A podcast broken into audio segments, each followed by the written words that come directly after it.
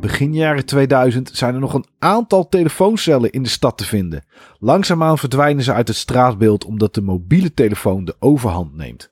En ondanks dat beroepsregelaar en oplichter Stu de hele dag met een mobieltje aan zijn oor loopt, gebruikt hij elke dag toch nog een telefooncel om Pamela te bellen. De dame waar hij een affaire mee heeft. Zijn vrouw Kelly weet van niets en dat blijft zo door het gebruik van deze telefooncel. De telefoonstel waarin hij belt staat op het punt van verdwijnen. Nog één nachtje en dan is hij weg. En terwijl Stu de cel instapt en zijn ogenschijnlijk laatste belletje pleegt vanuit deze telefooncel, zet een onbekende stem aan de andere kant van de lijn zijn leven en het gebruik van deze telefooncel op zijn kop. Colin Farrell, Forrest Whitaker, Katie Holmes, Raja Mitchell en Kiefer Sutherland schitteren in deze korte film. En ik zeg schitteren, maar dat is toch wel een klein beetje wat ze doen. Die slechts 1 uur en 21 minuten duurt. De kosten van de film waren ongeveer 13 miljoen en de opbrengst ligt rond de 97 miljoen dollar. De film werd geregisseerd door Joel Schumacher, die toen al in fikse staat van dienst stond met bijvoorbeeld The Lost Boys en Flatliners op zijn naam. Toevallig beide ook met Kiefer Sutherland, maar ook 8mm, Flawless en The Number 23 waren van hem. Het script werd geschreven door Larry Cohen, die na het succes van deze film ook het script geeft voor de film Connected, nog een film die over telefoons ging. Alleen was deze net iets minder succesvol.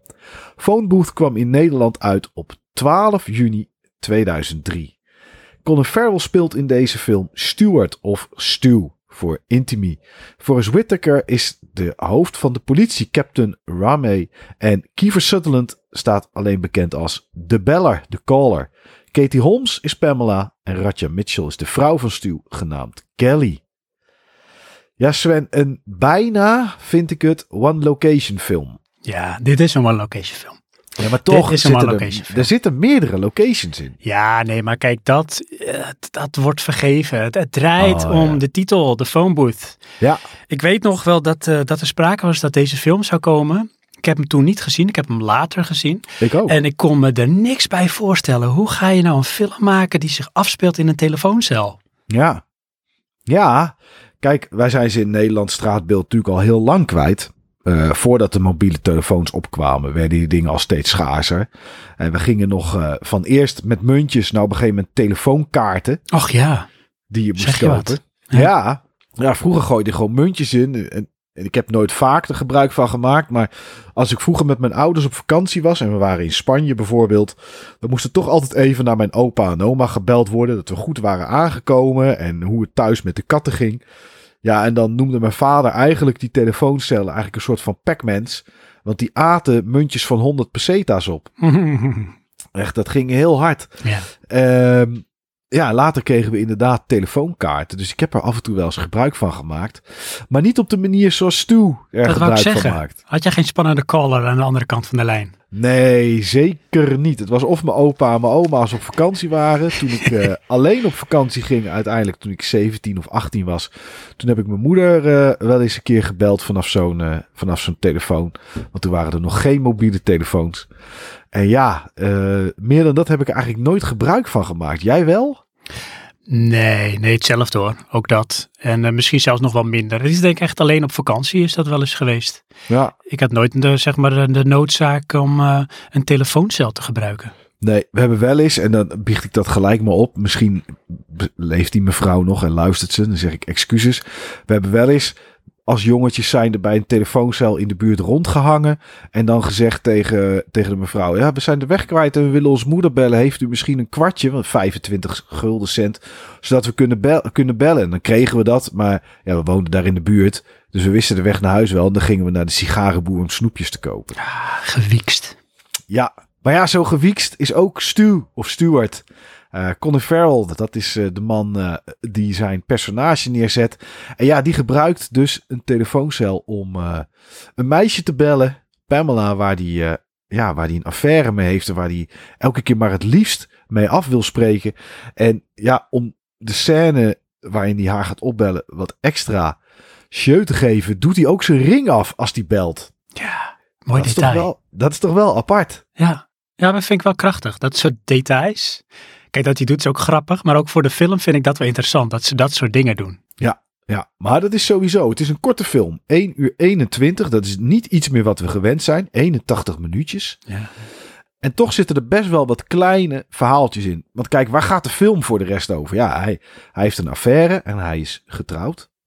Maar wat gebeurt er? Ja, Kiefer Sutherland, genaamd The Caller, die, eh, die houdt niet van onrecht. En eh, hij heeft blijkbaar Stu een tijd in de gaten gehouden. En hij ziet, ja, dit is onrecht. En dat moet gewoon rechtgezet worden. En doe je dat niet, ja, dan schiet ik je dood. Ja, ik moet zeggen, hè, en eh, ja, zonder te verklappen hoor, vind ik dat ook meteen wel het zwakke punt van de film. Is dat voor mij blijft onduidelijk wat nou precies de beweegreden is van de caller. Ja, dit, meer dan dit, is er niet uit te, uit te halen. Nee. Hij wil gewoon. Kijk, het is natuurlijk heel psychopathisch. Dat hij. Ja, dat hij wil gewoon dat mensen die. Kijk, het enige wat je kan bedenken natuurlijk is dat hem zelf onrecht is aangedaan. Wat hij niet. Ja, wat, wat niet heeft kunnen oplossen. Dat zit hem dwars. En dan, dan gaat hij dit soort acties uithalen. Want dat vertelt hij ook aan Stu. Van ja, weet je, eh, van de week heb je dat gehoord in het nieuws van die en die die omgekomen is. Ja, dit had ik een soort gelijke situatie mee. Die had ook onrecht eh, aangedaan. En ja, dat is, ja, dit- het is, ik doe dit. Ja, ja, het is een beetje op, op zijn manier dan een soort met serial killer. Die op die manier eh, te werk gaat om mensen toch, eh, ja, hoe noem je dat? Te Eh, gijzelen eigenlijk. Dat is wat hij doet. ja, en op, om op te laten biechten wat, wat ze hebben gedaan. En dat deed me ergens een beetje ook wel een beetje denken in vlaagjes aan een film als Seven. Waarin Ja. er ook volgens een bepaald moreel of moraal wordt gehandeld door de bad guy. Ja. Ja, want dat is eigenlijk wat je ziet. Kijk, Stu zit vast in de telefooncel. Hij zit heel vaak aan de telefoon met de caller. Die hem opdrachten geeft. Die hem dingen laat zeggen. Die hem een beetje tot het uiterste drijft. En ja, heel langzaam krijgt de wereld er lucht van dat dit gaande is. En dan wordt het voor mij interessanter. Want dan komt er politie bij, dan komt Pamela erbij, dan komt Kelly erbij. Alles en iedereen centreert zich rondom die telefooncel waar Stu is opgesloten. Ja. En niemand weet wat gaat er nu gebeuren. Maar ja, als kijker eigenlijk ook niet, want het is best wel onvoorspelbaar als je deze film voor het eerst kijkt. Zo. Ja, zeker. En dat is ook wel weer de kracht van de film. Het is zo knap hoe ze de spanning op weten te bouwen. Door hem als eh, middelpunt te stellen van eigenlijk ja, dit dilemma. Eh, met alles wat er omheen dan steeds meer escaleert. Want er zijn mensen die willen die telefooncel gebruiken om wat voor reden. En dat kan niet. Want als hij weggaat, ja, dan, dan gebeurt er iets. Ja. En nou, weet je, dan denk je op een gegeven moment, ja, maar dat ga je niet fixen. Hoe ga je dat nou fixen? En toch gebeurt er dan iets of handelt hij, waardoor hij toch in die telefooncel kan blijven staan. Ja. En zo zijn er steeds dingetjes, waardoor, ja, het wordt ook steeds moeilijker voor hem om eh, daar te blijven. En dat is spannend, want je wil dan weten, gaat het hem lukken? Gaat hij het Ja. overleven? En eh, ja, hoe gaat het uiteindelijk aflopen? Ja, nou ja, dat vooral. Want ja, weet je, eh, hij kan, Stu kan niet te veel zeggen. het Ook niet tegen de politie. En de, de caller is niet alleen aan de telefoon met hem. Die heeft ook een wapen op hem gericht. Dat laat hij ook zien. Hij laat zo'n rood puntje zien van een laser. Dus die is in de buurt en die ziet alles wat er in die telefooncel gebeurt. Ja. Hij ziet het, hij hoort het, hij weet het. Dus ja, Colin Farrell, Stu, die kan ook niet zo heel veel. Die kan niet heel veel doen, die kan niet heel veel zeggen. Dan op een gegeven moment, ja, misschien toch maar gehoor te geven aan, aan wat de caller wil. Maar er, zit, er zitten best wel leuke dingen in. En dit is voor mij niet de eerste keer dat ik hem kijk. Ik denk de derde of vierde keer dat ik hem gekeken heb. En toch, omdat we nu deze podcast maken, vallen andere dingetjes op. En dat is, op een gegeven moment is Stu aan de telefoon met de caller. En ja, de politieagent, eh Forrest Whitaker, die wil weten met wie die aan de telefoon zit. En wat zegt Stu, wat zegt Colin Farrell dan? Ik zit aan de telefoon met mijn psychiater. Ja. Nou, dat vindt de caller heel grappig. En dan loopt Captain Raimi terug en die zegt, kunnen we het afluisteren? En dan wordt er gezegd, nee dat kan niet, want hij is met zijn psychiater aan de telefoon. En dat is confidential, dat is dokter-patiënt eh, geheimhouding. dus we mogen niet afluisteren. Ja. Ja, en dat vind ik dan echt heel grappig. Dat ze iets wat natuurlijk simpel lijkt van ja, luister het gewoon af. Ja. Dan ben je klaar. Dat dat toch dan tegengewerkt wordt omdat ja, het kan niet. Door wat Stu heeft gezegd. Ja, en je gaat natuurlijk, kijk, als je vanuit de rol van de captain kijkt, die weet ook niet beter. Hè? Dat is waarschijnlijk dan blijkbaar wat er aan de hand is. Wij als Ja. kijkers weten natuurlijk wel beter, maar eh, hij moet daar toch mee proberen te dealen om te kijken van wat is er nou eigenlijk aan de hand? Ja, en dan is het mooi dat die captain zegt: Ja, dat snap ik, want ik heb ook psychiatrische problemen gehad. Ja. En denk je, het zijn van die hele kleine dingetjes in 1 uur 21. Die, ja, die dan toch meer show geven aan die personages. En toch een beetje, toch door dat ene zinnetje, met ik heb ook psychiatrische problemen gehad. Kijk je toch de rest van de film een beetje anders naar die politieagent. Van, weet je, is die wel helemaal goed? Zijn collega's die hinten er ook een beetje naar. Eh, vooral de mensen die eigenlijk boven hem staan en vinden dat zij de situatie moeten beheersen. Het lijkt het toch alsof ze zeggen van ja, maar je snapt niet wat je doet of je bent niet goed. Ja, ik vind dat toch wel heel tof, moet ik zeggen. Ja, en wat ik ook wel sterk vind aan de film is, eh, in een bepaalde zin is het best realistisch hoe eh, Colin Farrell, Stu, hoe die zich gedraagt. Want in het begin, het is een beetje een macho mannetje, heel erg vol van zichzelf, maar dat is uiterlijk vertoon. En ehm, langzaam maar zeker heeft hij door dat de situatie nijpend is en dat hij hier niet zomaar weg kan lopen. En dan merk je dat steeds meer van zijn persona die hij zelf gecreëerd heeft, hoe hij zich voor wil doen komen naar de buitenwereld, dat moet hij laten vallen en zijn werkelijke gevoelens, angsten en wie die is, die komen steeds meer naar voren en naar buiten. Ja. En dat maakt het ook interessant als kijker van, weet je wel, ja, zijn vrouw is op een gegeven moment daar ook, want eh, die wordt opgetrommeld. Maar hij heeft natuurlijk ook een relatie met die Pamela en die is daar op een goed moment ook. Wat Ja. gaat hij doen? Wat gaat hij zeggen? Blijft hij toch bij het gevoel van, ik kan het niet, wat ik wil niet, opbiechten aan mijn vrouw? Maar ja, de situatie is dermate nijpend van, is er wel een andere keus? Ja. En dat is interessant. Ja, dat is het ook. Ja, ja het is best een. Het is, er zit echt wel een hoop in. En dat is, dat is wel heel tof. Ik bedoel, er zit geen poespas in. Geen overbodige filler. Ik bedoel, dat gaat ook niet in die 1 minuut 21. Nee. Maar ja, je hebt sommige afleveringen van tv-series die even lang duren. Maar die gewoon minder boeiend zijn. Zeker. Minder spanning, minder psychologische oorlogsvoering. Want dat is toch een beetje wat er gaande is. Ja. Want, want je weet nooit dat wat de caller, wat Kiefer Sutherland zegt dat hij gaat doen, of hij het ook gaat doen. Eh, er is wel een moment ergens waarop hij bewijst dat hij misschien toch serieuzer is dan, dan, dan dat hij lijkt. Maar ja, iedereen kan zeggen: Ik heb vorige week iemand vermoord als je dat in het nieuws hebt gezien. Ja. Dus ja, weet je, je zit toch continu met die vraag in je hoofd: Is dit echt? Gebeurt dit echt? Ja, weet je, wat gaat hier nu gebeuren? Zeg maar, hoe loopt dit af? Ja, het is zo dat, ehm, zonder dat ik iets ga verklappen, als de film op een gegeven moment eindigt, toen had ik wel iets van, dit zou voor mijn gevoel net een soort eh, verhaal uit een bundel kunnen zijn van Stephen King. Die heeft wel eens dit soort Hmm. verhalen, waarbij er ja, iets gebeurt wat op zich, vanuit een bepaald opzicht, zo kan plaatsvinden. Maar er zit toch nog iets meer achter. En dat is ook wel interessant voor de mensen die de film niet gezien hebben, hoe deze film eindigt. Ja, er zit wel ergens in de film, en ik ga niet zeggen waar, een scène die ik heel vreemd vind. en dat is de politie laat op een gegeven moment, en het maakt niet uit van wie of wat, maar die laat op een gegeven moment een lijk zien aan Stu. En dat doen ze midden op straat. Ja. En dacht ik van, hè? Waarom? Dat zou in het echt nooit gebeuren. Nee. nee Nooit nee. dat de politie met een lijk langskomt en zegt, oh hier, we tillen even het laken op, kijk even. Ja. Dat zou, dat zou nooit gebeuren. Nee, dat is denk ik dan een stukje Hollywood, wat daar even dan eh, Ja. zeg maar vanaf druipt. Ja, ja, ja. Maar ja, ik, eh, ja, het is een film die ik eigenlijk zo weer aan zou kunnen zetten, eigenlijk, Sven. Ja, ik ook wel hoor. Dit is zeg maar samen met eh, Falling Down, ook door Joel Schumacher geregisseerd. Wel denk Ja. ik een van mijn twee favoriete films door hem geregisseerd. Ja, ja.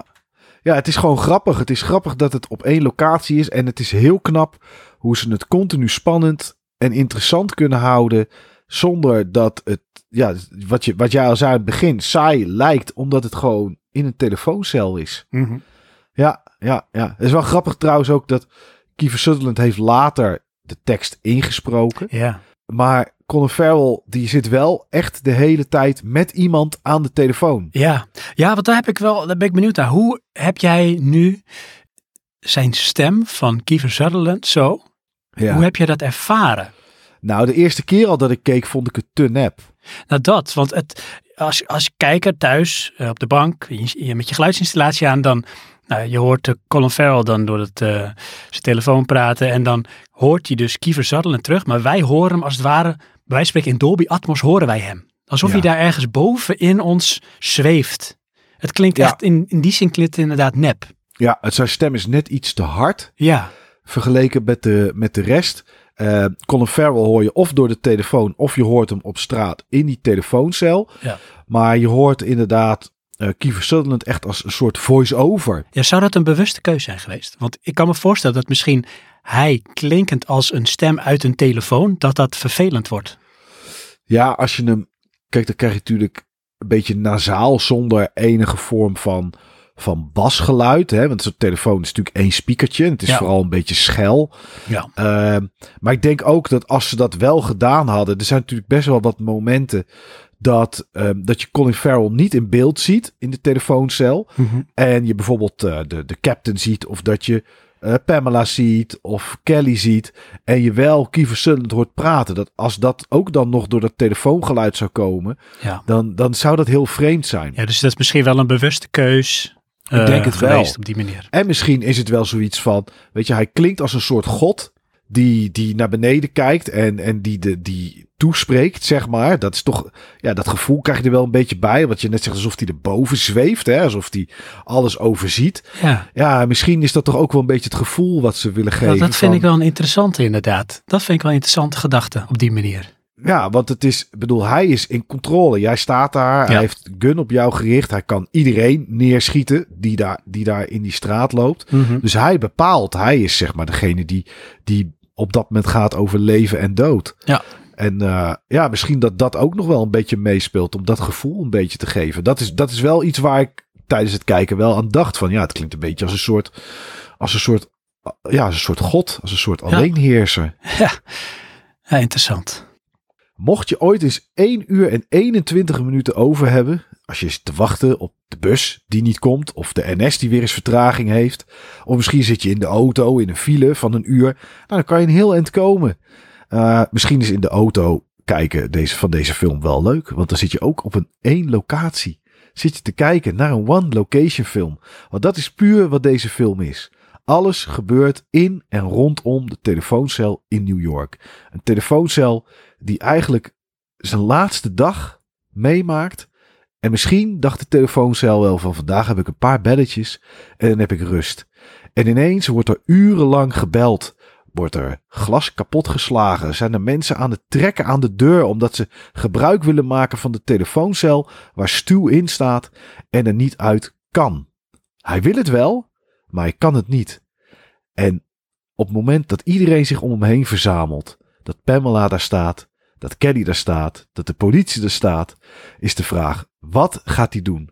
Blijft hij aan de telefoon of hangt hij op? Durft hij het aan? Is Kiefer Sutherland, de caller, iemand die bluft, die vanaf bovenaf een spelletje met hem speelt en daarna lachend ophangt? Of is het allemaal echt en gebeurt dit? En dat is iets, ja, daar kan je maar op één manier achter komen. En dat is te kijken naar Phone Booth.